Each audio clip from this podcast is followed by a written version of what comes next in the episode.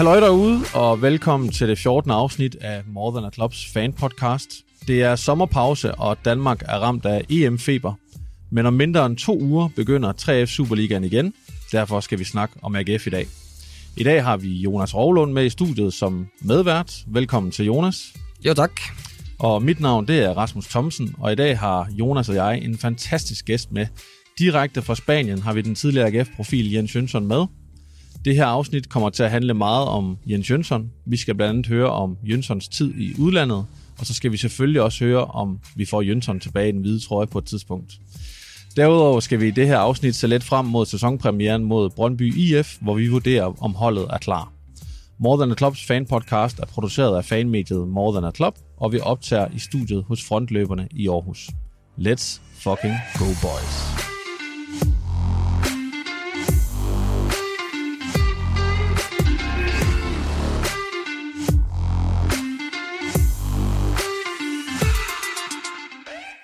Først og fremmest, øh, stort velkommen til dig, Jens Jønsson. Du er med fra en forbindelse fra Cardis i Sydspanien, hvor du bor så dagligt. Hvordan går det ned hos dig, Jens? Og øh, er I sådan gået i gang med forberedelserne til den nye sæson? Tak. Jamen, øh, nej, det er vi ikke. Jeg, øh, vi ankom her for, for to dage siden til vores hjem, og vi starter op her i morgen den 6. med, med nogle medicinske tests, og, og så starter vi faktisk først med at træne den her den 8. Øh, men øh, jeg er her nu, ja. Du er bare taget ned for at nyde, øh, nyde det gode vejr, eller hvad? lidt, ja, lidt det er tidligere. Ikke, det er ikke meget, nej, det er ikke meget galt. Forståeligt nok. Jeg siger også lige velkommen til dig, Jonas. Uh, nu skal vi jo med handle mest om AGF i dag, men jeg går også ud fra, at EM det har fyldt meget af dine tanker på det sidste. Ja, det må man sige. Der, er- der er godt knald på. Det er en travl, øh, travl tid som sportsentusiast, så er det både øh, EM-fodbold, og man skal sætte sit hold til turen også, og øh, manager, det kører, øh, kører derud af også, så øh, det, er, det er kanon. Og Så det er, bare faktisk fedt, fuld, det er faktisk fuldtidsjob at være Det er, det er fuldtidsjob for tiden, og det er bare pissefedt at være ude og se nogle storskærmskampe. Øh, kampe. øh, nu er jeg ude på Tankron her i, i weekenden og se Danmark øh, komme videre mod, øh, mod Tjekkiet med, med fuld knald på og, og byfest bagefter. Jeg ved ikke, om du har set billederne fra, øh, fra Aarhus eller fra, fra Danmark, øh, Jens, men øh, der var både dans på, på bybusserne og taxaer, der blev holdt tilbage, og ja, der var, der var virkelig gadefest. Ja, ja, og Golden Shower havde han her sagt i, i øl, ikke? Ja, det, øh, jo, jo, det, det, så, det så festligt ud. Jamen, super fedt. Øh, Vi skal gå lige til det. Vi går i gang, og selvom der jo er EM, og det danske landshold, det fylder rigtig meget for tiden her hjemme i hvert fald, så er forberedelserne frem mod den nye Superliga-sæson jo også i fuld gang. Om mindre end to uger spiller AGF den første kamp i den nye sæson. Søndag den 18. juli spiller AGF hjemme på Sears Park, hvor de forsvarende mester fra Brøndby IF venter i sæsonens første kamp. Og øh, jeg vil lige starte med at høre dig, Jens, øh, når man nu øh, bor nede i Sydspanien og spiller i en helt anden klub. Hvor meget følger du så med i AGF og Superligaen? Øh, Superligaen meget lidt. Øh, AGF øh, en del. Øh, så, så, så simpelt kan det vist siges. Stærkt. Det er noget med, du har stadigvæk venner og så videre, der også er AGF-fans. Og... Ja, ja, men altså, jeg er jo selv født og opvokset i Aarhus. Jeg er jo selv stor, stor fan, og altså, havde jeg ikke været fodboldspiller, så havde jeg da selv stået på stadion øh, uge efter uge, ikke? Altså, øh, og, og holde med AGF selvfølgelig, så det, øh, det ændrer sig ikke, at, at man ikke længere spiller, spiller i klubben øh, nærmest tværtimod. Så, så nej, nej, jeg følger, jeg følger meget med, og er meget interesseret i, hvordan det går i AGF, og ja, som også er, altså, jeg har trådet med, med mine kammerater, hvor vi skriver 200 beskeder om dagen, og det handler jo 99% af tilfældene bare med AGF. og hvad med, hvad hedder det, spillerne? Altså, jeg tror, kan det passe, det nærmest kun er Niklas Bachmann, der er tilbage fra din tid, der, eller folk omkring holdet? Er det nogen, du stadig har noget kontakt med? Ej, det lyder ikke meget galt. Altså, jeg tror, det var sådan noget halvandet år efter, jeg havde forladt dem. Der var der fire, jeg havde spillet med. Og det var vel at mærke nogen, jeg havde spillet med det sidste halve år. Altså, jeg tror, det var sådan noget, vi var ude i. Så, så nu, der tror jeg, jeg tror kun, det er Bachmann, ja. Øh, men Benjamin Witt nåede lige at, at komme op og træne med nogle gange. Øh, men det er basically det. Og det samme i staben, ja. Der er heller ikke nogen. Nej, det er jo også nye træner og så videre. Det hele, ja. Ja. Vi tager lige et smut omkring uh, transfervinduet, uh, inden uh, jeg lige spørger jer om noget mere. Så er preseason, preseason jo altså i gang, og lige om lidt starter sæsonen. Og transfervinduet er jo også åbent, og vi har også i tidligere podcast, uh, du og jeg, Jonas, blandt andet snakket om, at AGF står over for et utrolig vigtigt transfervindue. Og inden vi sådan kan vende det her med, om holdet er klar til om 14 dage, så bliver vi også lige nødt til at se på, hvordan det står til med spillere ud og ind af holdet. Og jeg vil lige hurtigt ramse op. Øh, transfervinduet indtil videre er der jo øh, godt gang i svingdøren i Aarhus i øjeblikket. Øh, ud er gået Kamil Grabata. Han har lige skiftet til FC København, og det samme er en anden tidligere lejespiller, Kevin Dix, lige præcis i dag. nogle sorte dage, det Så øh, der er lidt krise her. Det er godt, at Danmark de er kommet langt i EM. Øh, så er Kasper Højer, han er råd til Tjekkiet, er blevet solgt. Bubakar Sané er væk. Daniel Lassani er væk. Bror Blume er råd til polsk fodbold, og Mathias Jørgensen er også væk. Er det ikke øh, Østrig, han har over til? Jo, undskyld, det var vist Østrig jo. Ja. Det var nogle andre, der skifter til Polen. og øh, så har vi fået en ny målmand ind, Jesper Hansen, 36 år, og øh, øh, med, med landskampe på CV'et og så videre. Så har vi fået Oliver Lund ind, og så en ung tysker ved navn Jan Aurel Bisek, noget af den stil. Og så Frederik Brandhoff og Mikkel Lassen er kommet tilbage fra udlån. Og derudover har vi jo set et par prøvespillere. Lige nu er der en ung australier, der, der har også været en angriber forbi, det så ikke blev til noget. Så noget kunne godt tyde på, at man jagter lidt noget offensivt også. Men øh, Jesper Hansen til startopstillingen, og så ved jeg ikke rigtigt med de andre, og ud, altså som sagt, Grabata, Højer, Sané, Dix og så videre. Jonas, øh, når man ser på truppen lige nu, og de første træningskampe, AGF har spillet to træningskampe, en sejr på 3-2 over Hobro, og så har man tabt 1-0 til FC Nordsjælland. Hvad tænker du så om AGF lige nu? Jamen, øh, som du selv siger, så snakker vi jo om øh, sidste podcast, der gennemgik vi jo transfer øh, med, med Ortved, og, øh, og snakkede om, at det var et, øh, næsten et helt hold, men i hvert fald et halvt hold, øh, der skulle hentes ind med, med gode spillere, øh, som kunne hoppe direkte ind i startopstillingen. Og øh, der er stadig lang vej for, for Bjørneby, vil jeg sige, og nu når man følger med på sociale medier også, så kan man også se øh, fansenes øh, øh, kritik efter sådan en dag som i dag, hvor Kevin, Kevin Dix han, øh, bliver øh, offentliggjort som FCK-spiller, og Grabata er skiftet til FCK, og øh, i AGF går det lidt, lidt mere træt. Men jeg vil så øh, knytte bord til dem, vi trods alt har, øh, har hentet. Jeg synes, det er mega fedt. Vi har fået øh, Jesper Hansen ind, en, øh, en kvalitetsmålmand, som, øh, som virkelig har noget erfaring at, at byde ind med, og som netop kan stå de her to, øh, hvis vi er heldige, måske tre sæsoner på, øh, på Superliga-topniveau. Og så har vi øh, Gadegaard, der ligesom kan lære en masse af ham. Øh, så et godt team der. Øh, Eskelin øh, går ud fra snart, øh, snart ryger. Han har, ikke, han har jo mistet øh, nummer et også øh, på trøjenummeret, så, så han er nok, nok snart øh, videre. Så må vi se, hvem der skal være tredje keeper, men øh, vigtigst for mig er, at vi har de der to. Øh, en, øh, en rutineret rev, og så et, et kæmpe talent, øh, som jeg ser gerne skal blive første målmand øh, på sigt. Så rigtig fedt der. Øhm, forsvaret der ham Bisek, der øh, ja, vi, har, vi har haft nogle øh, vores journalister ude og se de her træningskampe og træninger. De siger, at han, øh, han gør det faktisk rigtig godt. Øh, stabil øh, øh, og stort talent også jo. Igen kan man kritisere det her med, at det er en legespiller. Øh, det er jo, hvad man er til. Jeg har personligt ikke noget imod det, hvis de har det niveau, som for eksempel Grabara og Kevin Dix har kunne bidrage med hos os. Øh, faren ved det er jo så, at at FCK kommer og, og, og napper ham, hvis han så viser sig bare at være fantastisk. Men altså, vi må også øh, bare erkende, at de har et, øh, en økonomi, der lige er toppet lidt op i forhold til vores. Så øh, umiddelbart synes jeg, det er spændende. Der er sådan den anke ved det, at vi har TK og Hausner, som... Ja, Hausner er jo etableret, men øh, TK øh, viser kæmpe øh, gode takter også, og stort potentiale. Øh, så har vi Julesgaard, så Bachmann, og ting er...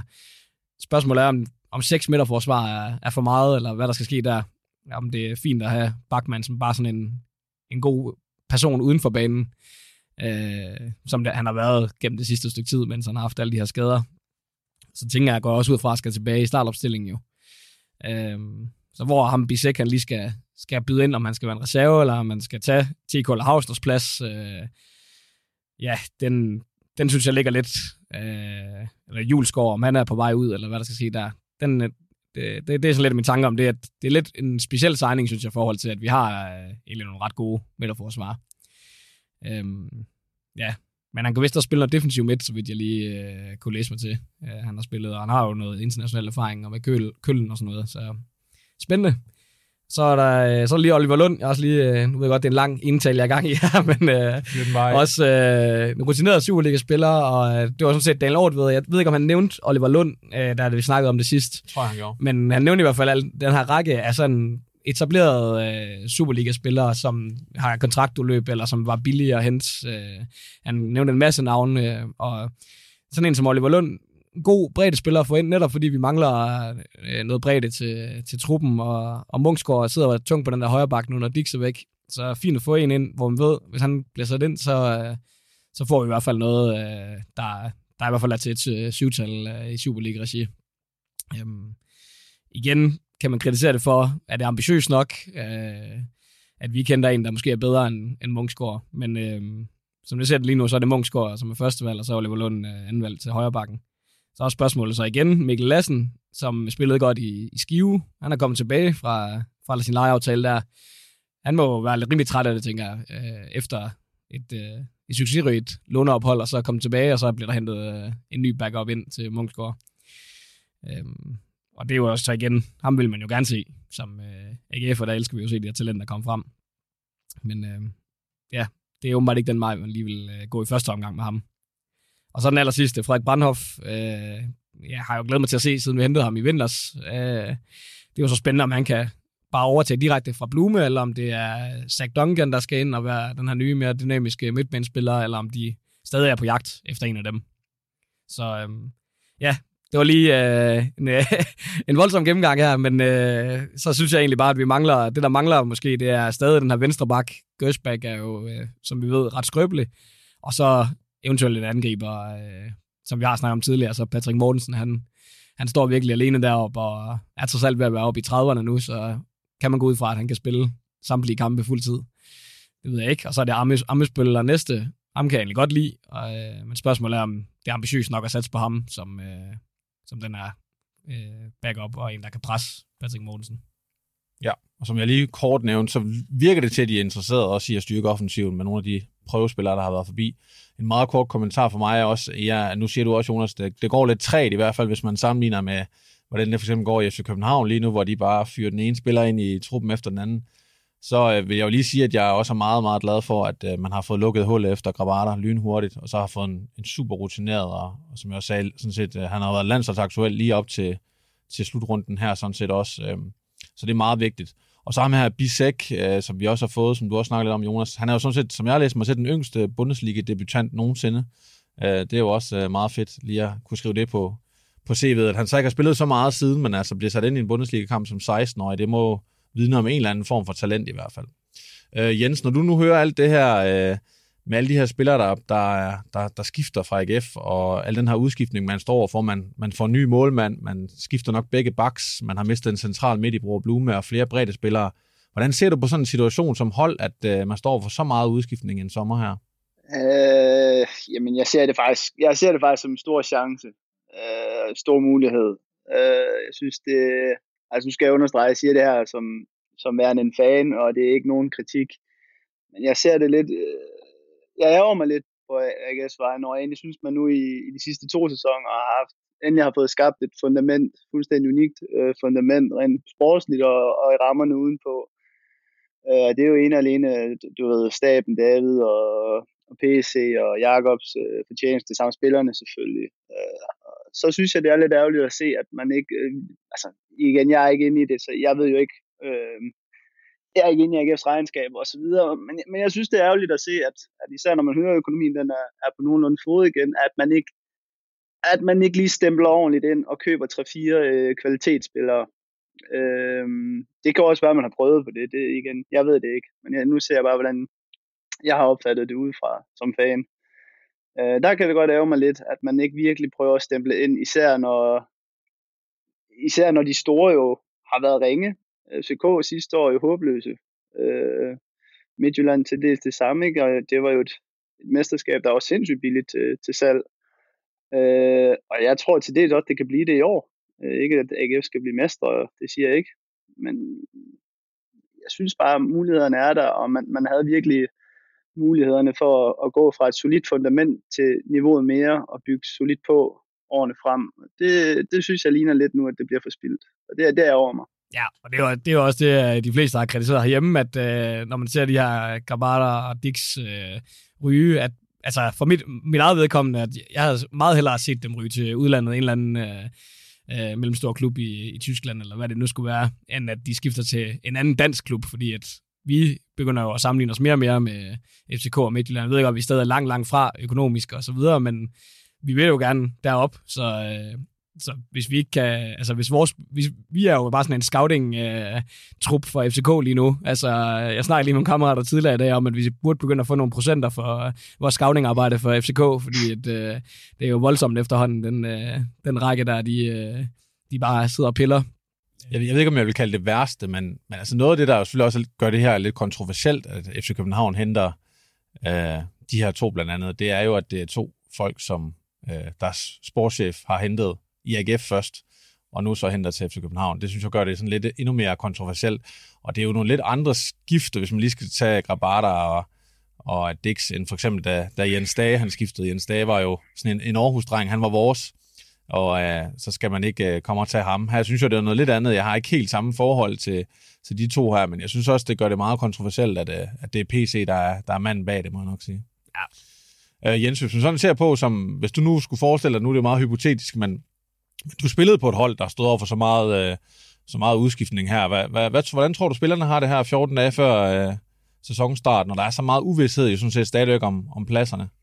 Mm, jeg tror faktisk, jeg tror, de har det fint, fordi øh, altså, ret beset, så er det vel kun de to, der har forladt. Ikke? Det er jo ikke sådan, at det er, det, det er et helt hold, der har forladt dem. Så, så er det noget andet.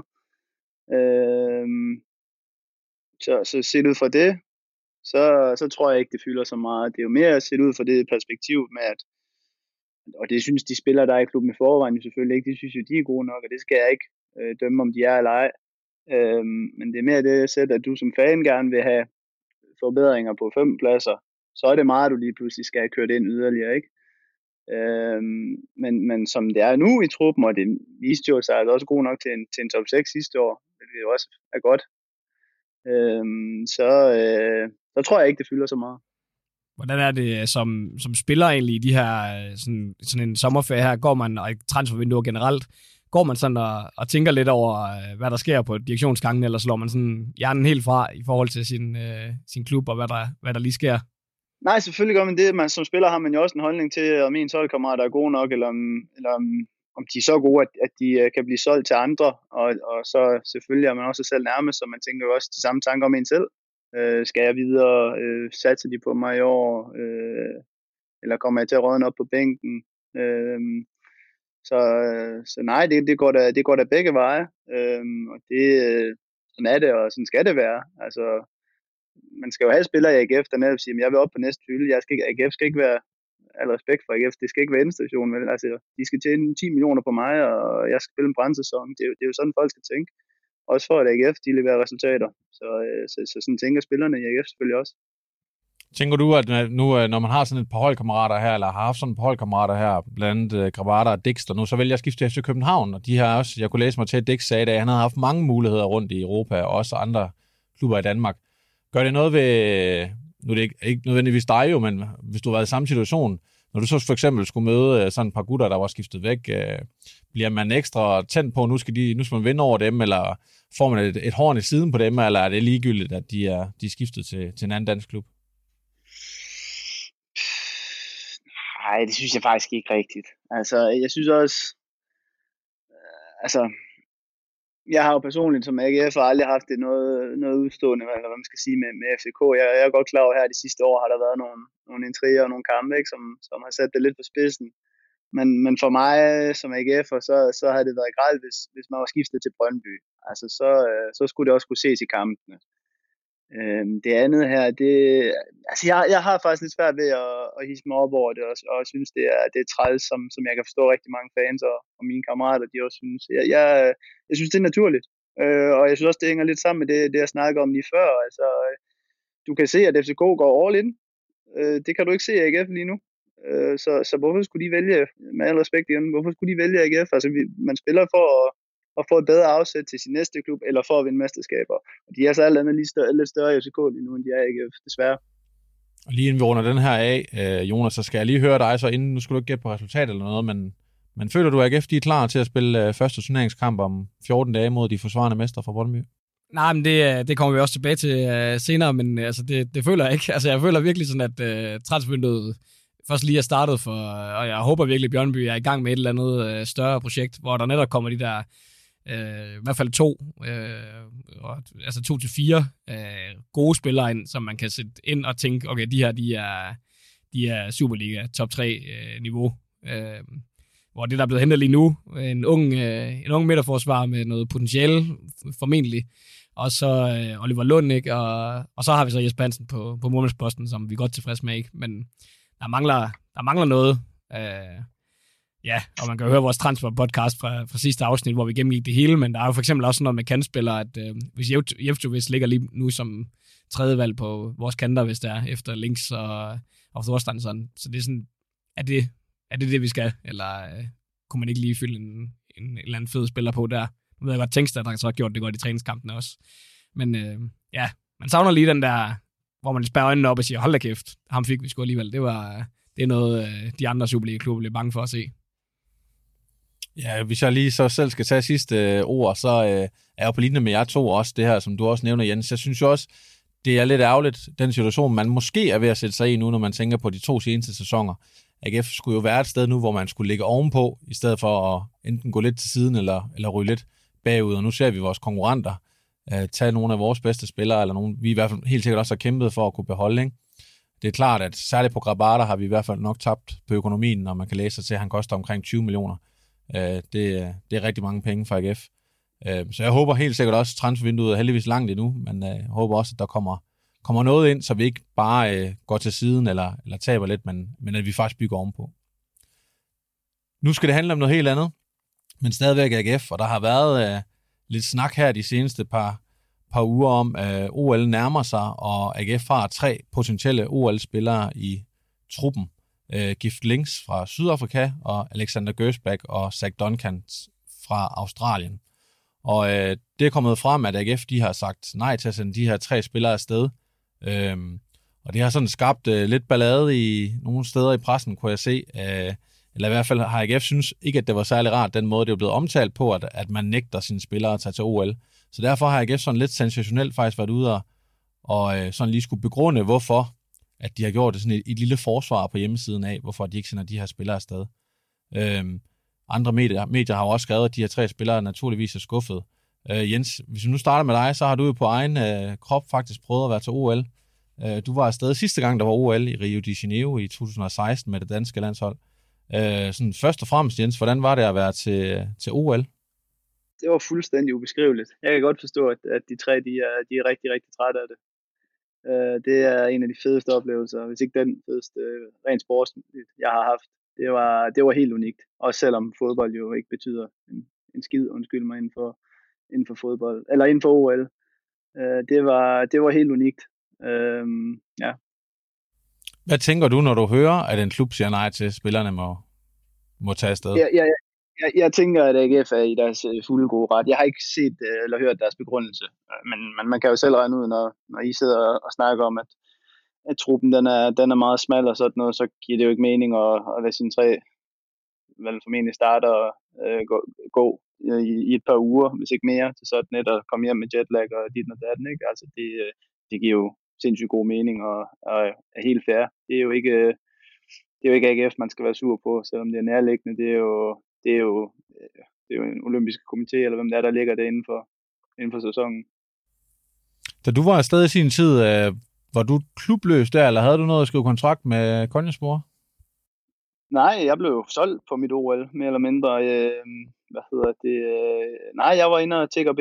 Øh, Jens Andersen må det jo have været på det, det tidspunkt. PC var også i klubben. Øh, om at, at lade mig komme afsted. Øh, jeg tror kun, jeg missede, var det en eller to? Ja, to kampe måske. Men AF lod, lod, lod, lod mig gøre det, øh, og det er jeg dybt, dybt taknemmelig over. Var det fordi, du selv gik ind og, og, og bad om det, eller hvad? Eller, eller hvordan foregik det? Ja, mere eller mindre. Altså, jeg ser bare, at det var et, en unik mulighed for mig, og ja, og de havde de store forståelse for, så går jeg da også ud fra, at det spillede ind, at, at det var et godt udstillingsvindue, ikke? Og, altså, jeg kan følge op ind på det. Øh, spille en god kamp mod Brasilien, det ser måske lidt bedre ud end at spille en god kamp mod Sønderjyske. Neymar var trods alt med også, ikke? Så, altså, ja, men, øh, men jo, det var på den helt, det var nærmest en BB, vi var ude i. Var du ude i at mandsopdække øh, Neymar, eller, øh, eller stor, var han øh, andre steder rundt på banen? Ja, han var lidt rundt over det hele, som jeg husker okay.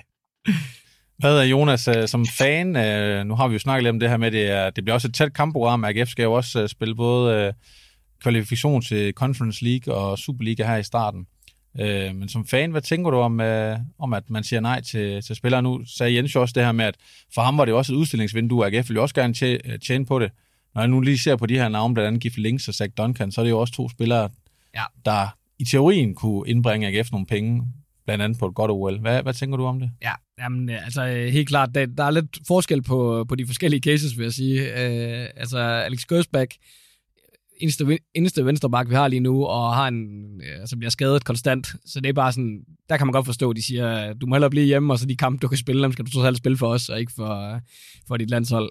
Øhm, så den, den øh, kan sagtens forstå. Zach Duncan har også været ude med en skade i lang tid, og øh, er kommet tilbage. Øhm, så igen er det lidt samme case, at øh, nu, nu er det vist vores tur til at, til at bruge dig. Øhm, den eneste, jeg er sådan virkelig er ked af det på, øh, på hans vegne, det er, det er Gif Links, altså, fordi han er, han er en af vores spændende spillere, og har blomstret virkelig op i AGF, og det kunne virkelig være et stort, stort udstillingsvindue for ham, og lige øh, måske også putte nogle ekstra øh, nuller på hans øh, transfersum, eller et eller andet, altså, så det kunne godt være en mulighed både for AGF og Gif Links, set, at sende ham afsted. Øhm, men igen, der øh, må deres øh, afvejning, det må jo så have været, at øh, han igen er så blevet så vigtig for os, som truppen er lige nu i hvert fald, at vi ikke kan undvære ham i de der øh, ja, 3-4 uger, eller hvor meget det bliver. Og øh, de der europæiske kampe øh, øh skal jo også gerne vindes, og øh, vi skal gerne godt få start i Superligaen, så den er sådan man kan godt forstå, at AGF har sagt øh, nej nu, når de har muligheden, og som du også siger, Jens, så OL er ikke det største inden for fodbold. Øh, men samtidig så er det sådan, altså man kunne da godt lige have smækket, smækket links afsted, og så tjent øh, nogle kroner på ham. Nu håber jeg så også personligt, at vi henter en god kantspiller, så kunne det være, at det ikke var så øh, lige så vigtigt for os, øh, om han var der eller ej. Så øh, ja, jeg forstår virkelig godt, at han er skuffet i hvert fald. Jeg vil også sige, at jeg er jo sådan set på linje med, med jer to. Jeg tænker også, at det havde været endnu mere problematisk, måske i virkeligheden, hvis man havde givet en, en af dem lov til at tage afsted, og de to andre ikke måtte. Øh, så tror jeg, at vi har haft to meget sure australier, hvis øh, Giff Links havde fået lov til at, til at tage afsted. Så uden... ja, jeg synes bare, altså, jeg synes argumenterne er gode nok i forhold til de to uh, australier der. Men ja, det er også synes ikke. Ja. Men, men ja. ja. Men uh, jeg tænker, vi går videre, og uh, så skal det så handle endnu mere om dig, Jens. Ja.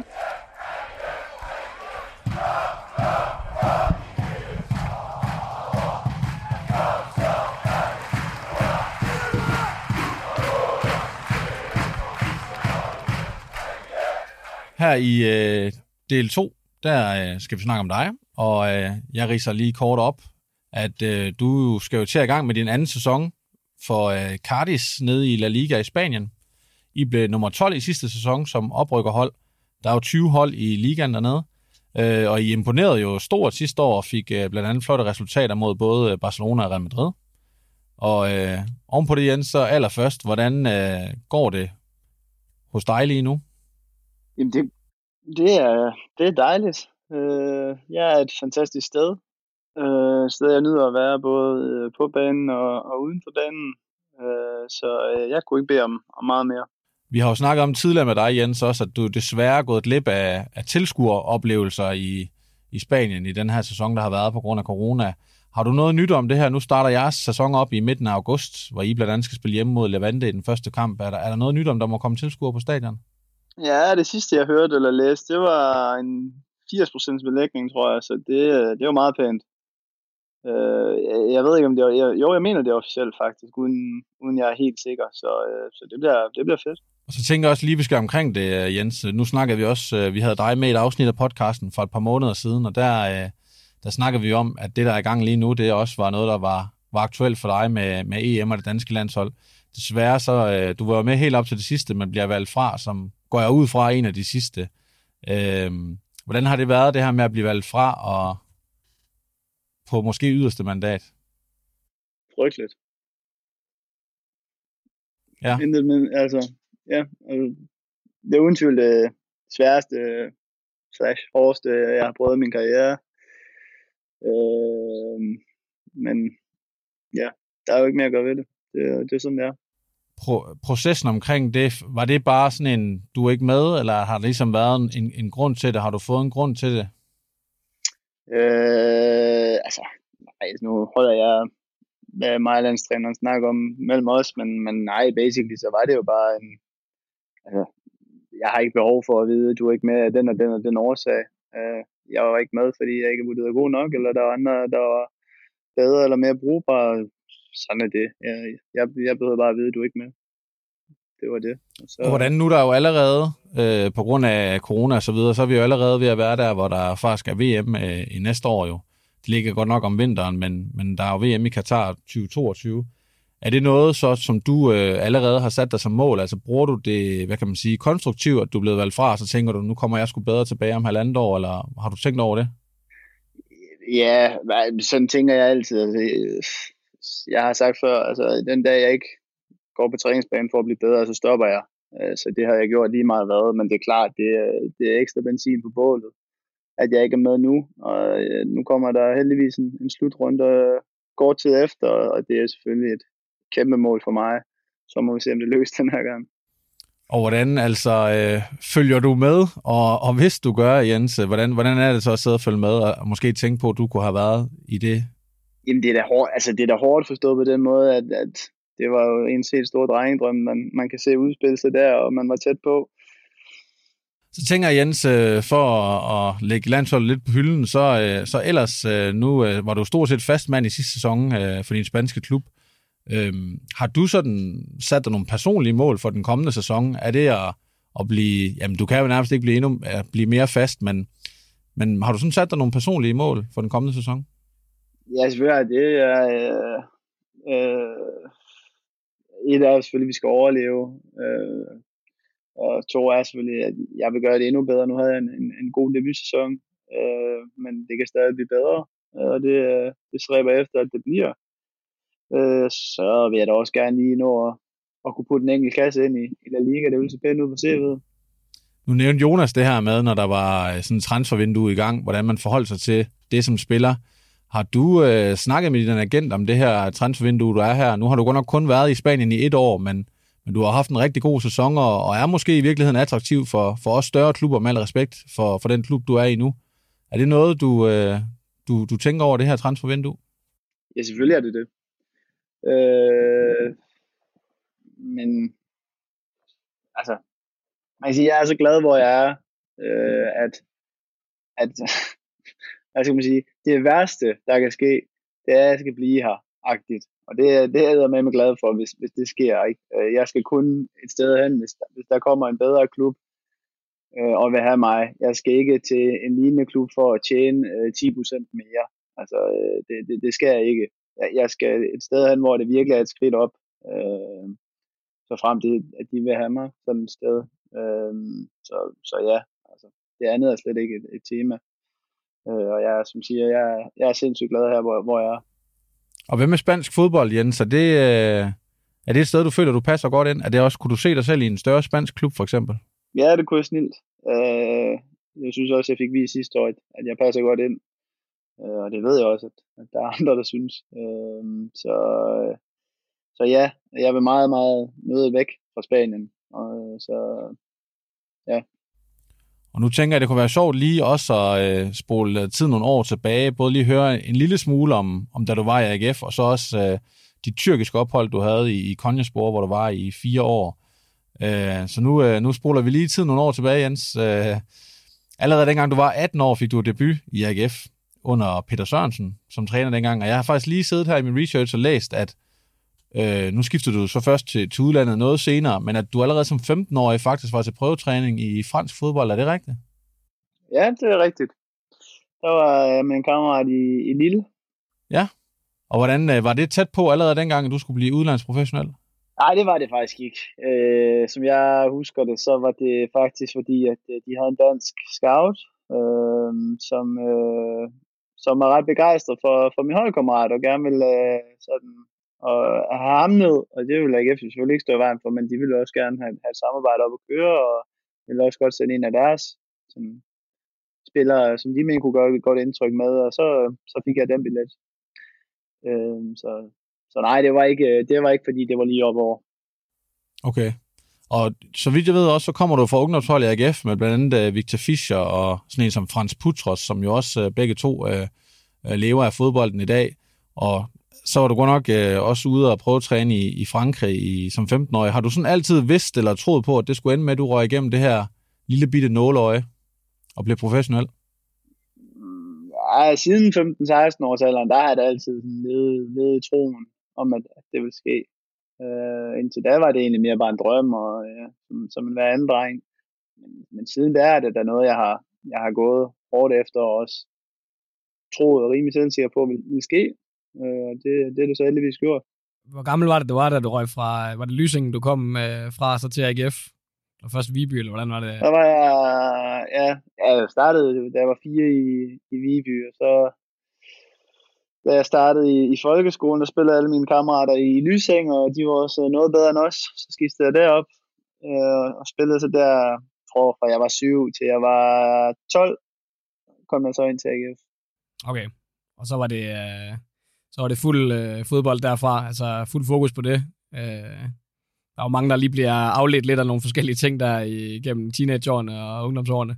Ja, lige præcis, lige præcis. Det var, blev mere og mere og mere seriøst, og der var nogen, der, der faldt fra af, af selv samme årsager, og så, øh, ja, så kørte det jo bare den vej. Ja. Øh, det AGF-hold, du kom op på dengang, Jens, det var jo sådan set øh, på det tidspunkt et ret succesrigt AGF-hold. Øh, før de her sidste par sæsoner, vi har haft, så var det jo faktisk det mest succesrige AGF-hold i mange, mange år. Øh, I de første to sæsoner, som sådan en del af første år, der blev I nummer 5 og nummer 7.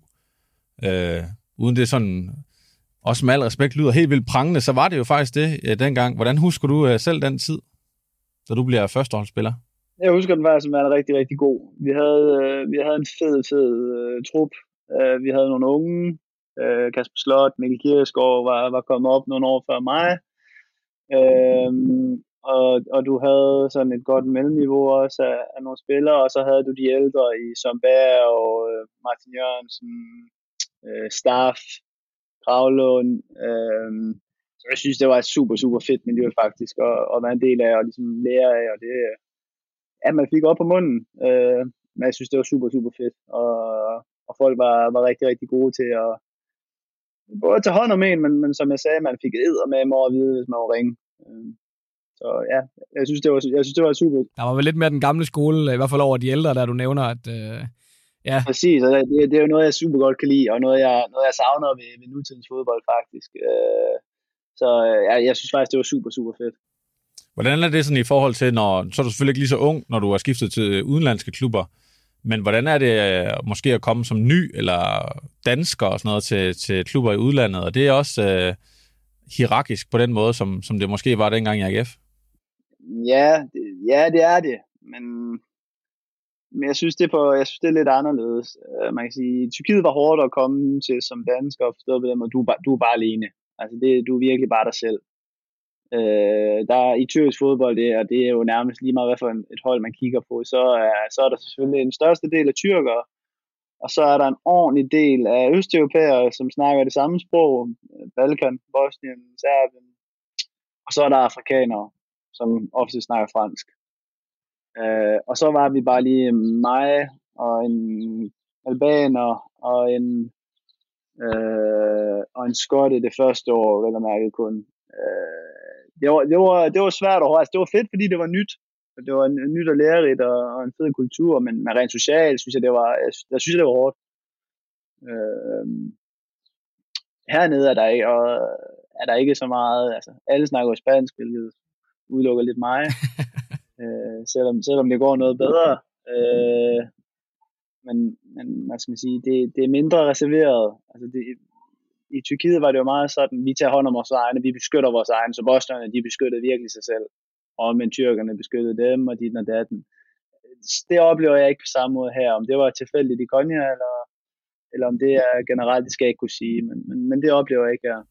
Jeg tænker sådan i udlandet også, Jens, du har jo mødt på, stødt på nogle ret store stjerner også. Du har været holdkammerat blandt andet med, med Samuel Eto'o, og nu øh, ved jeg også, at Negredo, han spiller for, for dit hold. Hvordan er øh, det at være sammen med sådan nogle store stjerner? Jeg ved også, Martin Jørgensen er også en meget stor stjerne, men, øh, men er nok lidt anderledes end, end nogle af de gutter der. Er det nogen, man overhovedet øh, sådan, øh, ser andet, når de lige er ude at træne?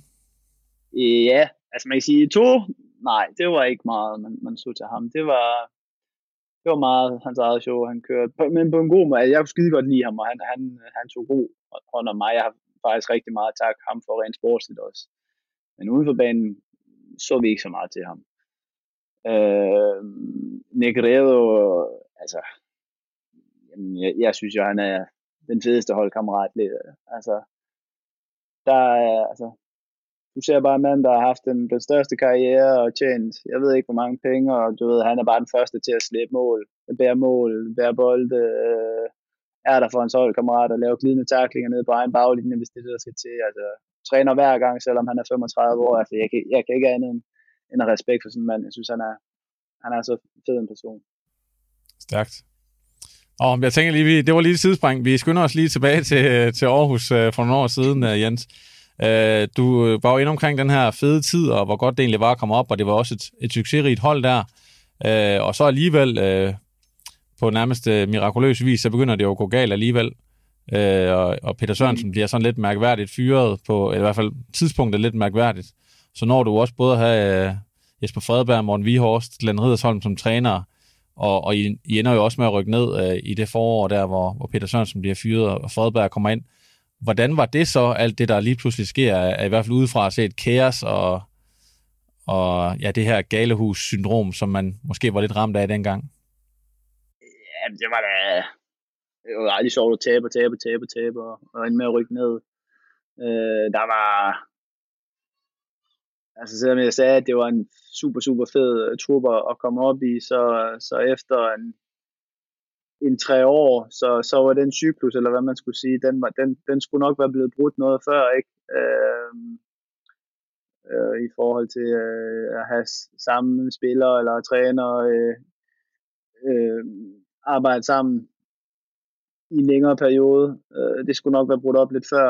Der blev, øh, der blev betændt stemning nærmest alle vejen, og det, det endte jo også med at, at koste, desværre.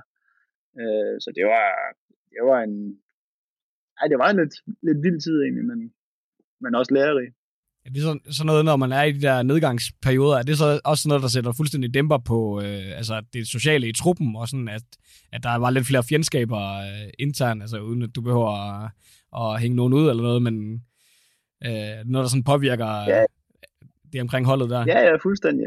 Altså, der er igen, fodboldspiller er, er sig selv nærmest, øh, så, så vi, vi beskytter jo os selv, når, når det begynder at, at gå galt, og desværre nok også pege lidt fingre af andre end, end en selv også, ikke? og det, det var heller ikke nogen undtagelse dengang. Øh, der var jo ikke ens skyld, det her det var. Det, der var mange årsager til det. Øh, og vi tagte det bare ikke på en, på en god måde, og desværre så, ja, så døde den syge patient. Var det på nogen måde godt, tror du, at det endte med nedrykning? For eksempel, hvis du ser på dig personligt, var det godt med et år i første division, eller hvis du skal prøve at vende til noget positivt? Både og. Altså, jeg var jo jeg, be, jeg var jo begyndt at spille der faktisk det sidste halvår, der hvor vi rykker ud, spillede jeg jo en del. Indtil havde det jo været sådan lidt on-off perioder. Øh, så det var jo klart, jeg stod jo faktisk med kontraktudløb jeg, faktisk, jeg tror, det var med et halvt år. Da vi rykkede ud, tror jeg, jeg havde et halvt år tilbage. Så, øh, så jeg var faktisk ved at forlade AGF der. Øhm, også fordi jeg har spillet meget midterforsvar.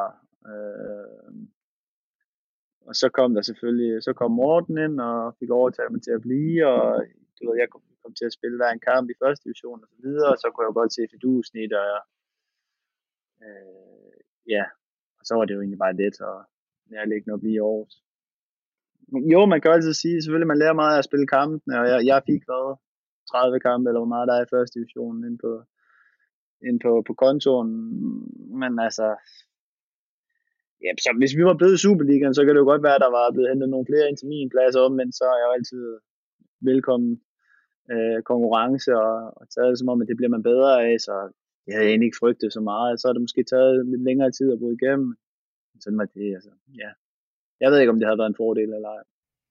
Ja, men var det, du lå og kæmpede med, der du ville jo gerne spille uh, midtbanen, var det Dab, der spillede den der centrale midt, uh, eller hvem var Nej, det, han kom, først, han kom først året efter, da vi rykkede op. Ja, okay. Jamen, der var jo Slot, som de ville sælge der den sommer, da vi rykkede ned, og hvem var det? Der var Kasper Poulsen, der var Emil Scheel, hvem fanden var der ellers? Jeg er ikke sgu Ja, ikke så huske, Martin Jørgensen det var. selvfølgelig. Ja, Jørgensen var der vel også. Martin Jørgensen selvfølgelig, der er jeg på glemt. Ja. Så ja, ja. Men Jens, selvom, øh, selvom at det var lidt nedtur der, så, øh, så på det tidspunkt øh, omkring, øh, da du var i AGF de år der, der øh, sker der noget på et tidspunkt i England, hvor man begynder at snakke lidt om noget, der hedder Fergie Time. Og øh, det begreb, det rykkede sig sådan lidt til Danmark, som var noget, der hed Jønsson Time. øh, er der en klokke, der ringer hos dig der? Øh, ja, ej, jeg vil sige det. er- Der er ikke mange, mange tilfælde, der skulle til, før man får sådan en prædikat. Ej, det er to gange, så vidt jeg husker. Er det ikke rigtigt? ja, ja, jo. Men, jo, men hvilke to gange? Ja, ja, lige præcis. Det er det, der tæller. Ja, du, Kvalitet frem kvantitet. du scorer årets mål øh, mod Silkeborg, og så laver du også det senere. Er det mod Sønderjyske den anden? Ja. Ja. Så udover de kampe der, du, du spiller både, øh, du spiller en masse kampe, men som Jonas også lige omkring, så tager du sådan set også en kamp uden for banen, hvis man kan sige det sådan. Øh, og noget af det, jeg i hvert fald også har dyb respekt for omkring dig, Jens, det er jo egentlig det her med, at du kæmpede for at spille på den position, som du så dig mest tilpas på. Øh, nu har vi jo siddet tidligere også i den her podcast og snakket lidt om blandt andet Oliver Lunds alsidighed øh, som en styrke, og det er selvfølgelig også en styrke at kunne spille mange pladser. Men i en ret ung alder går du egentlig ud og tager den her kamp, som jo også bliver sådan lidt en offentlig kamp, omkring at du, øh, du vil spille på midtbanen og ikke i forsvaret. Øh, hvad har du gjort om, om overvejelser omkring sådan at, at begynde måske at blive lidt åbenmundet omkring det? Jeg har ikke gjort mig så mange overvejelser. Jeg er jo nok også typen, der handler lidt i, i følelsernes vold, men men jeg havde ikke gjort noget anderledes den dag i dag. Øh, Det havde jeg ikke. Jeg følt mig dybt øh, uretfærdigt behandlet. Øh, og øh, ja, Var det fordi, du var blevet lovet pladsen, eller hvad? Eller øh, hvor- hvorfor, hvad var, hvorfor synes du, det var uretfærdigt? Ja, altså jeg gik jo ind øh, og ville egentlig, havde egentlig i tankerne, øh, mig og min daværende agent, øh, i tankerne, at vi skulle prøve noget andet end AGF. Ja, selv samme årsag, at, at jeg spillede, øh, spillede på midten. Eller undskyld, midterforsvar, og det var ikke min plads. Jeg havde øh, spillet øh, gennem en længere periode på 21 landsholdet som et og sådan. Og så, øh, jamen min kontrakt stod til at løbe ud, og så sagde jeg til AGF, at jeg vil ikke forlænge, fordi de ser mig åbenbart ikke som midtbanespiller og så videre. Så kom den daværende træner og sagde, at han så mig kun som midtbanespiller, det var slet ikke et issue det andet, og så, jamen, så kom vi lidt skævt fra start der i første division, og så var det jo bare et loop tilbage. Og så kan man jo altid sige, at det er træneren, der bestemmer, og, øh, og det er det også. Det, det skal man øh, respektere, men, men så skal man ikke sige noget andet øh, for inden. Altså det, det er min karriere, det her det handler om. Øh, og det er den, jeg kæmper for. Selvfølgelig kæmper jeg også for den klub, jeg er ansat af. Men, øh, men, øh, men altså, man skal stadig have den menneskelighed og, overholde aftaler, selvom de ligger på skrift, og det, det føler jeg ikke der blev. Nej. Jamen det er, som du siger, Rasmus, så er det også noget, man, øh, man kun kan have respekt for, at sådan en, øh, på det tidspunkt, især også øh, ung mand, øh, ligesom er så øh, determineret på øh, en bestemt position der, fordi mange vil også bare være glade for at overhovedet at spille jo. Øh, men altså, du har den der tro, tro på dig selv, den har du også taget med videre ud i, i karrieren her, mens du har, ja, som, som der og Rasmus også har snakket sammen øh, om i nogle af de andre interviews, jeg lavede, at øh, du har levet lidt en skyggetilværelse i forhold til så mange af de andre udlandsdanskere, men øh, har jo bare lige så stille hele tiden øh, arbejdet deroppe af og, og haft troen på, øh, at du godt kunne øh, tage det næste skridt. Øh, det er i hvert fald også noget, der sådan kendetegner dig fra, fra mit perspektiv. Tak. Da du så skifter til tyrkisk fodbold der, Jens, øh, køber de dig som, som midtbanespiller? Ja, de købte mig som midtbanespiller. Det var, som jeg sagde før, det var, det var meget baseret på OL, at øh, de havde set mig der. Øh, der blev tunge på vægtskålen der. Øh, så ja, der, der kommer jeg ind. Spiller faktisk i det første halve år, spiller jeg faktisk en håndfuld kampe som midterforsvar. Især når vi havde skader. Øh, der havde vi lidt flere midtbanespillere, end vi havde forsvarsspillere det første år, jeg var der.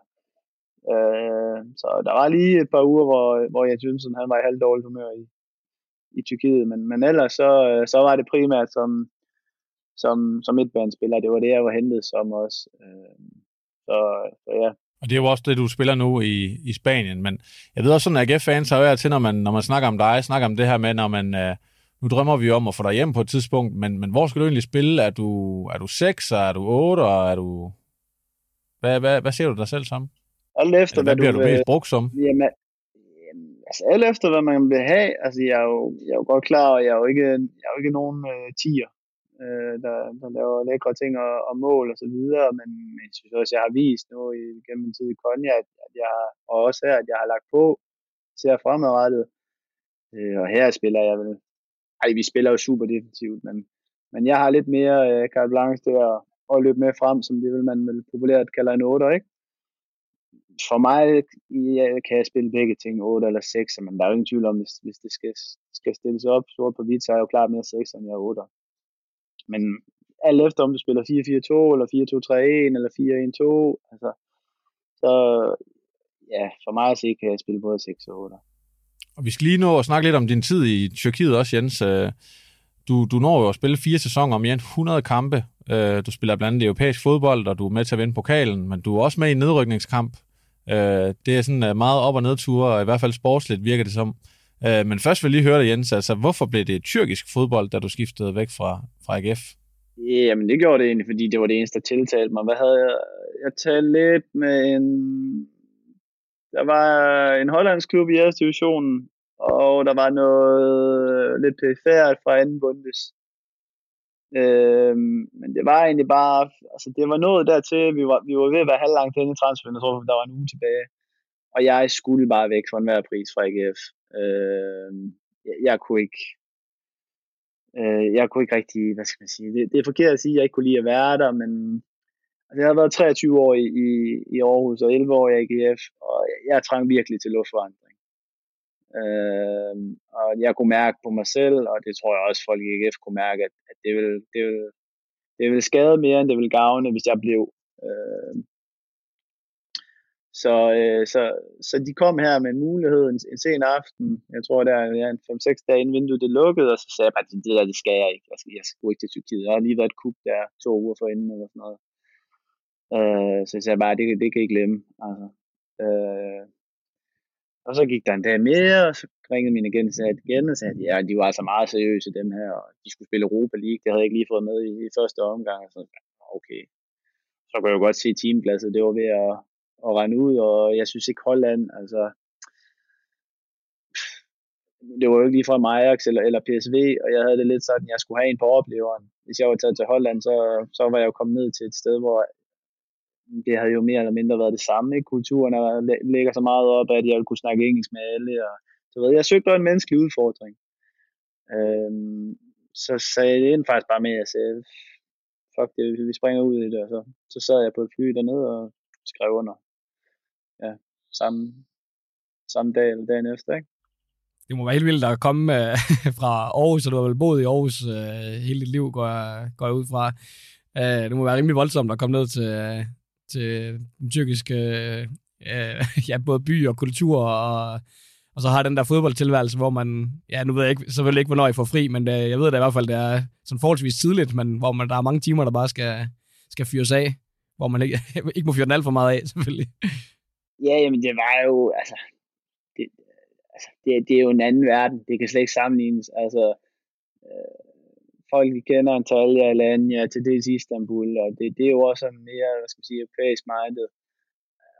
At være i, i Konya og opleve det, er, det, altså, det, det er vidderligt en anden verden, og en anden tid, man, man lever i. Og det, øh, ja, altså, jeg fik det, jeg søgte, og det, det var at, at få faret benene væk under mig, og, og, og det var fantastisk, og jeg valgte valgt du har sikkert hørt det nogle gange, Jens, men det her med nogle af de her fordomme, der er om tyrkisk fodbold, sådan set både lidt på og, og, og ikke mindst uden for banen, altså manglende løn, noget dårlig behandling, vilde tilskuere osv.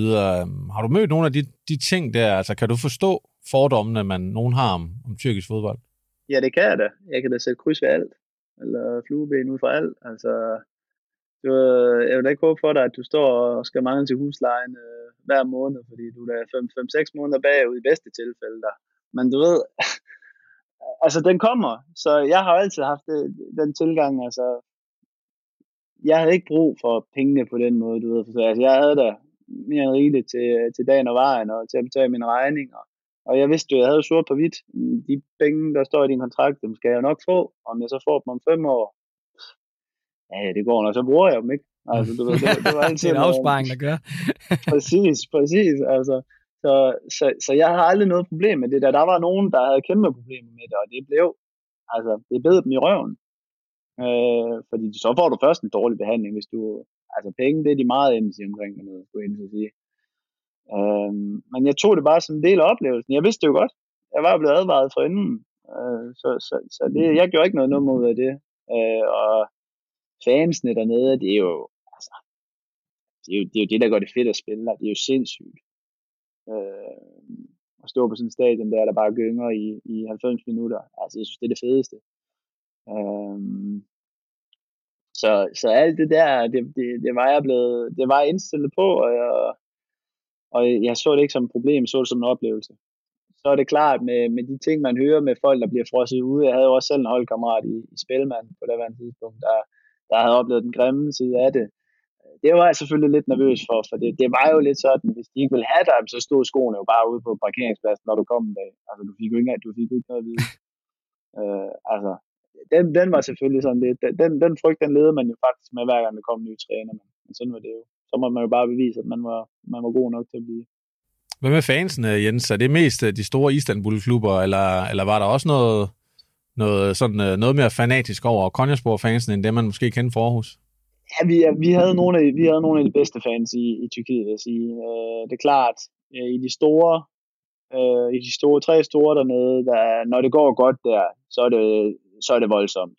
Altså, det er, jeg synes, udbanekampene har jeg altid synes var de fedeste. Altså det der med, at der står 60.000 og bare pifter efter dig, nærmest vil slå dig ihjel, det synes, det synes jeg er sindssygt. det, det kan jeg faktisk bedre lide, end der er 30.000, der står og hæpper på mig. Øhm, øh, altså det, det er sindssygt, og det er jo virkelig en del af den der oplevelse ved at spille i Tyrkiet. Det er jo at opleve de der, ja, alt efter hvordan det går, men næsten fulde stadion som regel. Øh, og den der stemning der, og det er jo bare 90 minutter, det kører, det, det, det, det, det er bare fucking fedt. Altså. Det er derfor, vi skulle have dig med på Wembley her mod uh, England, mand. Der bliver der jo piftet helt vildt sikkert. Det, der kunne vi godt lide ja, ja, mig, så.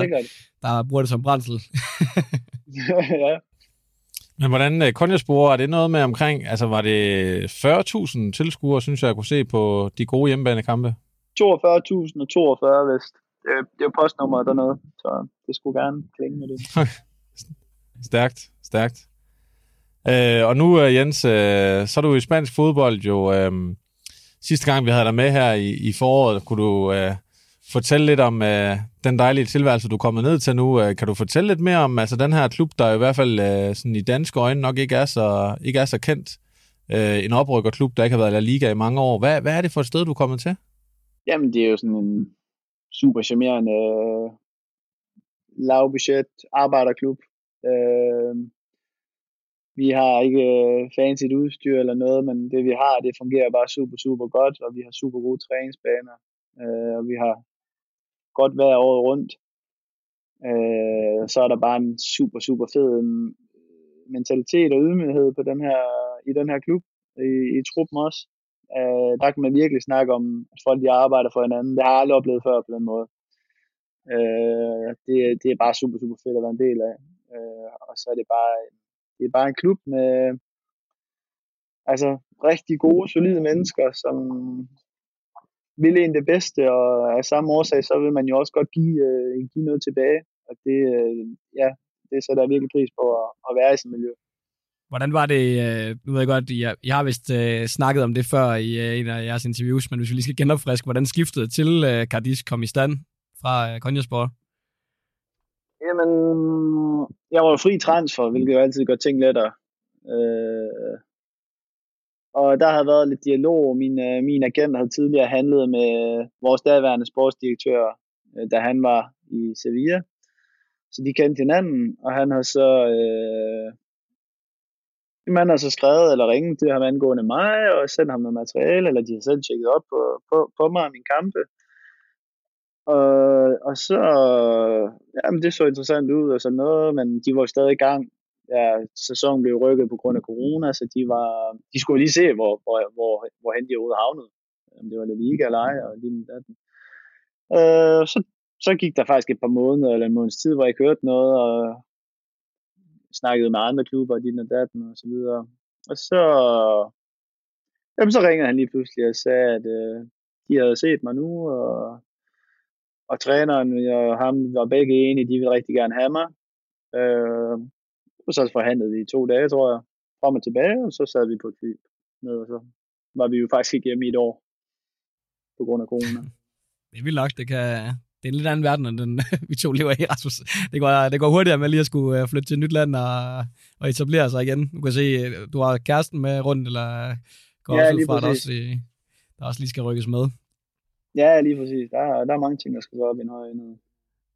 Men du var, altså, du havde besluttet dig for, at du skulle væk fra Tyrkiet der, eller var det sådan, hvis der var kommet et bud fra en anden tyrkisk klub, så kunne det også være det, eller hvad? Ej, jeg havde, ej jeg, havde, jeg havde besluttet mig for, at jeg havde fået nok efter fire år. Øh, der, der er sgu noget helt ekstraordinært til at, at holde mig der. Øh, så, så nej, det, det havde jeg besluttet mig for. Øh, og, og havde jo sådan... Altså, jeg drømte jo sindssygt meget om, om ja, Spanien, Italien. Øh, men var egentlig åben over for det meste, bare det var, bare det var Europa. Øh, så, så da han sagde det der Spanien der, der var jeg jo nærmest sådan, altså, Jamen, jeg behøver nærmest ikke engang at vide, hvad der er i løn, du ved, jeg skal bare afsted. så, altså, ja. Er det altid La Liga, du sådan har, øh, har set op til? Øh, ligesom mange ser kun Premier League næsten, eller mest italiensk fodbold. Er, er det altid spansk fodbold, du sådan har fulgt med i? Eller Nej, altså, det er lige så stor øh, AGF-fan, jeg er lige så stor United-fan er jeg også, og, øh, så det har egentlig altid været, været Premier League, jeg har set. Men selvfølgelig har man altid haft forhold til spansk fodbold i den måde, de, de spillede på, øh, og du ved, Barcelona og Real Madrid, og selvfølgelig, ja, der er jo ikke en hånd på hjertet, der ikke kan lide spansk fodbold, men, men, øh, men nej, det var altså, lige så meget på grund af livet udenfor, og klimaet, og sådan, altså, jeg gad bare sindssygt godt prøve at bo i, i Sydeuropa, og det, det gør jeg så heldigvis nu. Jeg har et spørgsmål mere, Rasmus, så skal du nok få lov at fortsætte. og det kan vi også bare klippe ud der. Det er slet ikke sikkert, at det er relevant, men jeg kommer bare til at tænke på, jeg er selv øh, samme alder som dig, og spiller noget øh, fodbold på et lidt andet niveau. Øh, men altså, jeg kan bare mærke, når der er nogle sommerdage og sådan noget, der synes jeg virkelig, det kan være hårdt at komme ud på de der... Øh, øh, halvbulede øh, baner rundt omkring og skulle øh, tons rundt, men, øh, men det virker som- som om, at øh, du sådan fra start bare har adaptet til, øh, til at spille i 30 grader, eller hvad der, hvad der nu er i, i Tyrkiet og Spanien. Det har aldrig været et problem for dig, at, der, er- at solen brænder, mens du øh, skal tons rundt ind på midtbanen. Tænker du på mit latino udseende, eller hvad? Ja, ja, præcis. ja det tænker jeg nok. uh, nej, det har aldrig været et problem. Altså, jeg har virkelig blevet spurgt om det mange gange. Jeg har aldrig nogensinde haft problemer med det. Uh, ja, altså, selvfølgelig har jeg det varmt ligesom alle andre, men det er ikke sådan noget med, at jeg er ved at dehydrere og, og ved at gå til. Uh, så, så nej, jeg har det fint. Jamen, det er godt at høre. Træner I på andre tidspunkter ud af kampene? For eksempel i Spanien ligger jo tit sådan sent om aftenen. Træner I på andre tidspunkter, når nu klimaet er så anderledes, end, end du har været vant til i Danmark? Uh, jamen, som jeg husker det sidste år, så trænede vi lidt. Uh, nu kom jeg jo sådan noget sidst i august, og jeg begyndte faktisk først at træne med dem sådan, øh, sådan start af september. Uh, men der er der jo stadig varmt. Men der trænede vi noget tidligere. Jeg tror, vi trænede klokken 9 eller sådan noget. Uh, af samme årsag, selvfølgelig. Normalt så vi træner sådan noget 10, 10, 30. Øh, så der, der træner vi ret tidligt, ja. øh, på, grund af, på grund af varmen. Og så er det jo kun her, at jeg går ud fra de første tre måneder, der, der er kampene jo sådan noget kl. 9 eller 10 om aftenen hernede. Øh, men derefter, så, så er det jo, så er der jo også eftermiddagskamp. Øhm, på det her tidspunkt, Jens, vi har også snakket om tidligere, øh, jeg tror det var i sidste podcast, det her med, at du lige var hjemme og trænede med i, med i AGF, og, og der sagde du også sidste gang, at det var ikke rigtigt på nogen måde aktuelt at skulle, skulle skifte hjem til AGF. Der er det jo også klart nok, når man nu har de muligheder, du har, har sat dig for at blive ude i Europa og så videre. Men var der for eksempel i sommer, var, øh, nu kan man jo se, hvor attraktive AGF's øh, spillere de er for, for andre danske klubber. Var der, var der større danske klubber, der var, der var ude efter det der? Kan du afsløre noget om det? Nej, ikke hvad jeg ved. Ikke hvad jeg ved. Øh, men det var heller aldrig et tema for mig. Øh, det vidste min agent også godt, så øh, altså, det var ikke sådan, han opsøgte, øh, opsøgte om, men så tror jeg heller ikke, det var, det var fordi, de lige ringede til ham, øh, uden, jeg, uden jeg ved det. Øh, det. Det var aldrig et tema for jeg hverken min agent eller mig. Man ser jo øh, flere spillere skifte hjem fra, fra udlandet, og spillere, som egentlig er forholdsvis etableret. Nu her blandt øh, andet Lukas Lea, der skiftede hjem til FC København, selvom han egentlig var både omkring landsholdet og, og spillede rimelig mange kampe i Italien osv. Og man har jo også set nogle spillere, der tidligere har sagt, at, øh, at de er meget trofaste mod en klub, øh, og alligevel er skiftet blevet fristet af, af for eksempel FC København. Øh, har du, har, du, har du gjort dig tanker om, hvis de kom med, med, med en stor pose penge og lovede dig at spille fast der og så videre, øh, om FC København for eksempel kunne være, kunne være interessant Det for dig? Måske, sige, måske ikke lige nu, men, øh, men om et år eller to, eller er det noget, der er i dine overvejelser? Uh, nej, uh, altså jeg har det lidt sådan, jeg, jeg, skal ikke, jeg skal ikke hjem før den dag, jeg vågner op, og så bare tænker, nu, nu kan jeg ikke være ude mere, du ved, nu savner jeg Danmark for meget, hvis den dag, den overhovedet kommer. Uh, jeg er ikke engang tæt på at have, have den følelse nu, uh, efter fem år. Uh, og før kommer jeg ikke hjem. Altså, jeg har ikke... Uh, vi, er, vi er glade for at leve i udlandet. Vi er super, super glade for at leve her, her i Spanien. Uh, så længe jeg kan det og, og er glad for at gå på arbejde, og øh, kæresten selvfølgelig også er det, så, øh, så, så er der ikke noget, der trækker i os for, for at komme hjem. Det må, det må jeg være ærlig omkring. Øh, så kan det selvfølgelig være, at den dag, øh, at jeg vågner op og tænker, nu, nu kan jeg sgu ikke mere. Øh, så skal der jo to til deres tango. Altså, så skal AGF jo gerne vil have mig. Øh, hvis ikke de vil det, så, så er det jo lige. Det kunne godt være, at de ikke vil have mig som 34-årig, eller de ikke lige synes, jeg, det er værd, jeg, jeg synes selv, jeg er værd. Altså, der, der er mange ting, der skal gå op i en højere enhed. Ikke? Altså, det, det, det, Ej, det, skal vi nok, øh, det skal vi nok finde en løsning på, hvis det er. Ja, der skal du bare til. Det skal vi nok, så kan fansen spare op til et eller andet, eller finde på noget. Det skal, det skal vi nok finde ud af. Men det fører jo lidt til det obligatoriske spørgsmål, Jens, fordi øh, jeg spørger dig når, sådan set hver gang, øh, jeg har snakket med dig, men uh, jeg ved jo bare, at det fylder rigtig meget for, for de oceanske hjerter, om, om de kan håbe på at få dig set i, i en AGF-trøje på banen også igen. Uh, der er selvfølgelig også det her, som du selv siger, altså vil de, hvis, hvis lad os sige det første er, at når du er 4-35 år, så overhovedet giver mening, men, men, uh, men har du stadigvæk sådan lidt en, en drøm om, at, at cirklen den bliver sluttet i, i Aarhus? Ja, det har jeg 100 procent. Altså, jeg har, jeg har altid haft, og har også stadig øh, sådan en romantisk drøm om, at, at som du selv siger, cirklen den slutter, slutter i AGF. Det, øh, det har jeg lagt på. Det tror jeg aldrig kommer til at ændre sig. Men der er mange ting, der kan gøre, at, at det ikke øh, ender sådan ud.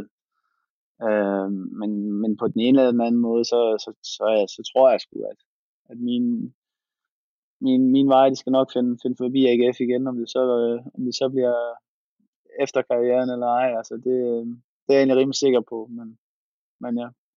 Men jo, jeg drømmer da om det.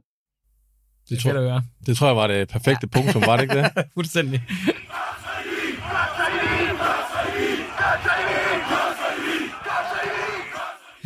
øh, så, øh, så skal vi sådan set, øh, vi nærmer os øh, så afslutningen, og, øh, og som vi snakker om for efterhånden lang tid siden, men i starten af den her podcast, så skal vi jo øh, kigge lidt fremad mod, at Superligaen jo, øh, selvom man er i den her landsholdsboble lige nu, mange af os, så øh, starter Superligaen altså om, om under 14 dage. Øh, så inden øh, vi slipper dig, Jens, helt, og, og inden vi også siger farvel herfra, så, øh, så skal vi da lige høre nogle forudsigelser. AGF starter jo sæsonen, som vi har snakket om, mod Brøndby, og, og søndagen efter, så skal man til Farum og spille på, på kunstgræsset mod Nordsjælland. Og jeg tænker, det er de to kampe, vi lige forholder os til nu her, de to første kampe i sæsonen. Øh, Jonas, hvis du skulle prøve at komme med et bud på, hvordan øh, AGF kommer fra start af, først hjemme mod Brøndby og så i Farum, hvordan, øh, hvordan ser det ud? Jamen, altså som vi snakker om i starten, så afhænger sindssygt meget af de næste to uger, hvad, hvad der kommer ind. Øh, forhåbentlig kommer der mere ind i hvert fald. Øh, og det bliver bare altafgørende i forhold til, hvad ambitionen skal være. Altså lige nu, som truppen er lige nu, hvis det var det her, så, altså, så ser jeg altså ikke ind i top 3. Men hvis vi får hentet øh, nogle, nogle store profiler, øh, så, øh, så, kan det, så kan det sagtens ændre sig.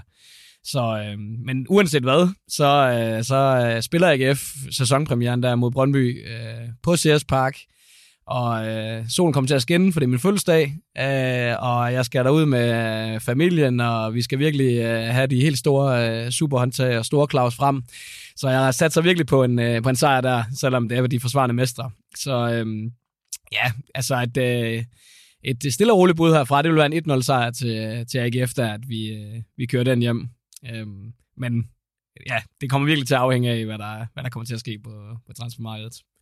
Og så, øh, så har vi så Nordsjælland bagefter, og dem, det er jo sådan nogle, som vi efterhånden er nået til et punkt, hvor vi skal sige, at vi skal øh, slå FC Nordsjælland. Øh, også selvom, at de, øh, de øh, kan spille øh, godt på, på kunstgræsset derovre. Det, øh, det er over i farven, så vidt jeg kunne forstå. Øh, men det, det skulle, skulle også gerne give en, øh, give en sejr. Øh, og der, øh, med sådan nogle unge øh, knøs der, der skal man jo bare ind og score nogle øh, Jørgens mål og sådan noget, så der kunne jeg godt se en 2-0 øh, ryge hjem på nogle hovedstødsmål fra Mortensen. Stærkt. Og Jens, som spiller, der er vel ikke en meget bedre måde at starte sæsonen på, end en hjemmekamp mod Brøndby, og så øh, mod øh, et af de andre top 6 spejlere i FC Nordsjælland. Hvad, hvad tænker du om de to første kampe for AGF? Øh, Jamen, øh, jeg tænker egentlig, det er okay, faktisk. Øh, er, vi, er du ude efter et resultat, eller hvordan? Det må du meget gerne prøve at komme med. Jamen, jeg, har, jeg har faktisk lidt en, øh, den optimistiske hat på. Jeg, jeg, jeg tror på en uafgjort i den første mod Brøndby. Øh, og så tror jeg faktisk også øh, minimum på... Ja, jeg vil faktisk sige, at Nordsjælland kan blive lidt af hvert, men, øh, men jeg tror også på minimum en uafgjort, hvis ikke, hvis ikke tre point. De Hvordan har du selv med at spille på øh, kunstgræs egentlig? Det gør Nordsjælland over på deres øh, stadion. Nu ved jeg ikke, om hvad reglerne er i, i La Liga om den slags, men øh, det er i hvert fald øh, kritiseret rimelig meget af mange her i Danmark.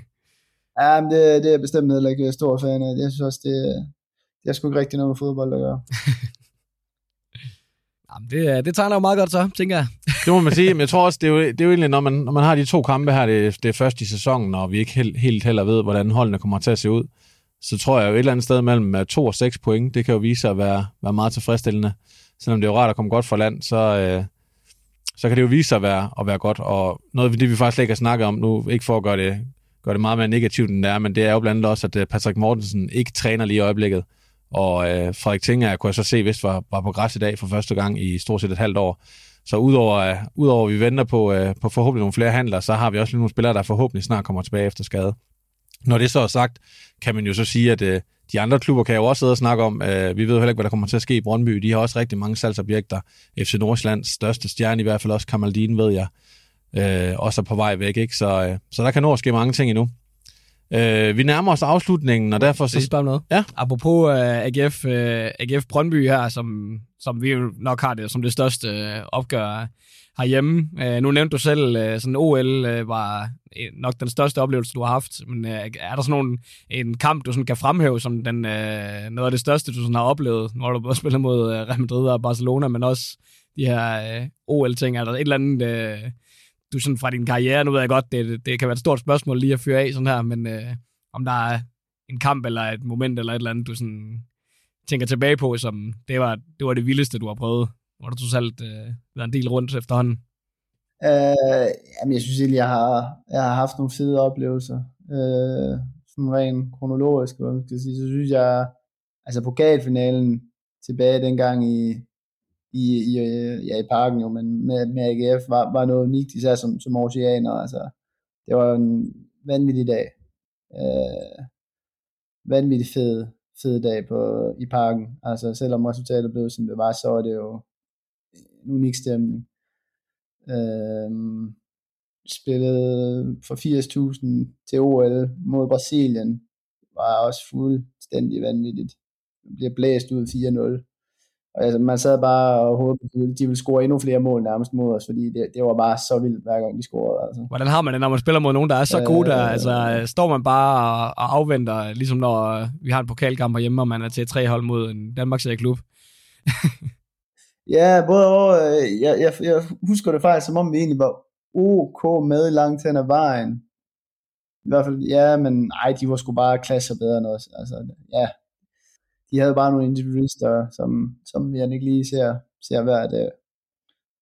Øh, ej, det var, det var, et, det var voldsomt, når de stillede med. Så spillede, altså når man spillede på, på de tre store stadions i Istanbul for, for udsolgt, det var også fuldstændig hjernedødt. Øh, og så glæder jeg mig bare til at prøve at spille for fans hernede, spille på, på Camp Nou med fans. Bernabeu har jeg jo desværre ikke prøvet endnu. Jeg ved ikke engang, om jeg kommer til det i år heller. Så, men ja. De der tyrkiske kampe, var du aldrig, altså man kan nærmest blive helt øh, bange nogle gange, når man bare ser det på, øh, på tv. Øh, du frygtede aldrig for noget øh, i de forbindelse med de kampe, der er sådan rent sikkerhedsmæssigt, som, øh, som spiller, når man er inde til de der voldsomme øh, tyrkiske opgør.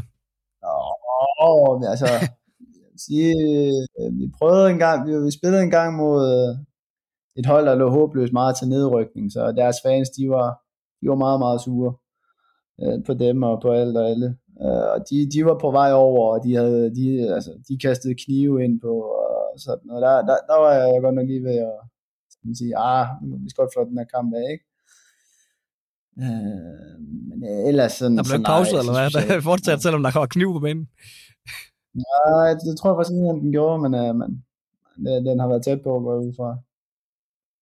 Men, uh, men jo, der, der skete det ting, er der noget. Når vi lige er ved, ved de her opgør igen, øh, Hvad når du, nu har du mødt øh, jamen, stort set alle øh, verdens største stjerner, øh, Messi, Neymar og, og så videre, og spillet sammen med i to og så videre. Altså, bliver man, bliver man nogensinde sådan lidt starstruck øh, benovet, eller, eller ryster man det bare af sig lige snart dommeren han fløjter i gang? Ja, det synes jeg, det synes jeg man gør. Altså, det, det er klart, når, når Messi han lige kommer gående med, med toilettasken der i hånden, øh, men man sidder der halvanden time på kampstart, det, det, det var fandme surrealistisk. Øh, altså, helt, helt vanvittigt surrealistisk faktisk. Øh, og, og selv sammen, altså, dengang jeg tog trådte ind på, på træning, altså, jo, som du siger, man, man kniber sig skulle lige en, en gang i armen for, for at se, om det er rigtigt her, men når du så står på træningsbanen, eller du står på banen, og dommeren han fløjter op, så, så, så lægger man det ligesom til siden. Stærkt. Øh, jamen, øh, nu her, når vi nærmer os afslutningen, så øh, skal vi jo sige et kæmpe stort tak til dig, Jens, og alt muligt held og lykke frem mod den nye sæson. Øh, er der noget, eller sådan, øh, du har på hjerte her til sidst, inden vi, øh, vi siger tak for i dag? Vi kan en komme så de hvide. Lige præcis. Det er sgu også rigeligt. Jeg vil også lige huske at sige, nu fik jeg ikke sagt det til at starte med, men øh, jeg, jeg, det er en stor ære at møde dig. Jeg, nu har jeg fulgt dig øh, sådan nærmest parallelt øh, hele, hele din karriere, så øh, sindssygt fedt at, at have sådan øh, en fed snak med dig. Ja. Det, er, det er kanon at følge med i, og altså, du skal virkelig vide, i hvert fald hele min AGF-omgangskreds, øh, vi, øh, vi følger virkelig øh, med, med, med øh, og jubler hver gang du, øh, du er på banen dernede i, i Spanien også. Det, det er for fedt, at du, har, at du er kommet så langt. Tusind tak. Jeg vil sige, nu har vi faktisk tidligere snakket med dig, Jens, om det her med, at du måske er gået lidt under radaren, særligt i din tid i, i Konjaspor. Men øh, jeg kan da også tale for mig selv om, at jeg altid lige inde og tjekke, både du spillede i Tyrkiet og også nu her i Spanien, om, om du er med fra start, og hvordan det er gået. Øh, så er der i hvert fald mange AGF-fans, der, der er stadigvæk både øh, ved, du eksisterer, og, øh, og følger dig i, i tygt og tyndt. Det er jeg helt sikker på. Det er godt at høre. og øh, så skal vi også sige tak til dig, Jonas. Har du noget, du sådan lige vil dele med dine medfans her på, på falderæbet? Øh, jeg tror det ikke. Altså, det, øh, det er bare podcasten her jo, men øh, jeg synes, man skal gå ind og abonnere på, hvis man ikke gør det i forvejen, og også gerne give en, øh, give en anmeldelse. Øh, og så ind og læse med på, på hjemmesiden. Der er selvfølgelig lidt øh, sommerferie, men der bliver stadig produceret nogle ting, og jeg ved, øh, folk skal ud til, øh, nogle af vores skribenter skal ud til nogle træninger nu her, og, og få nogle gode snakke med både spillere og folk omkring holdet. Så der er i hvert fald masser af godt at følge med i på, på modernklub.dk. Og sidste gang vi, vi sad og snakkede podcast her, havde vi jo også øh, snakket lidt om, at, at jeg plejer at udkomme med nogle, øh, nogle øh, debatter, og at de har været lidt lang tid undervejs, også fordi at øh, transfervinduet, det er jo, selvom det har været lidt træt, så startede det lynhurtigt i AGF. Øh, men øh, jeg kan sige så meget, at, at inden for et par dage, så, så kommer der noget på hjemmesiden, så hold lige bare øje. Og ellers så er der jo sådan set bare tilbage at sige tak for i dag, og tak fordi I lyttede med derude. Og som Jonas sagde, følg gerne vores podcast, og giv os gerne noget feedback også med på vejen. Og ellers så finder I os jo på vores hjemmeside, mordernerklub.dk. Vi er også på Twitter, Facebook og Instagram. Og ellers så skal vi vist bare sige, at vi høres ved, og som Jens han sagde, så... Kom så de vi! Kom så de vi! Kom så de vi!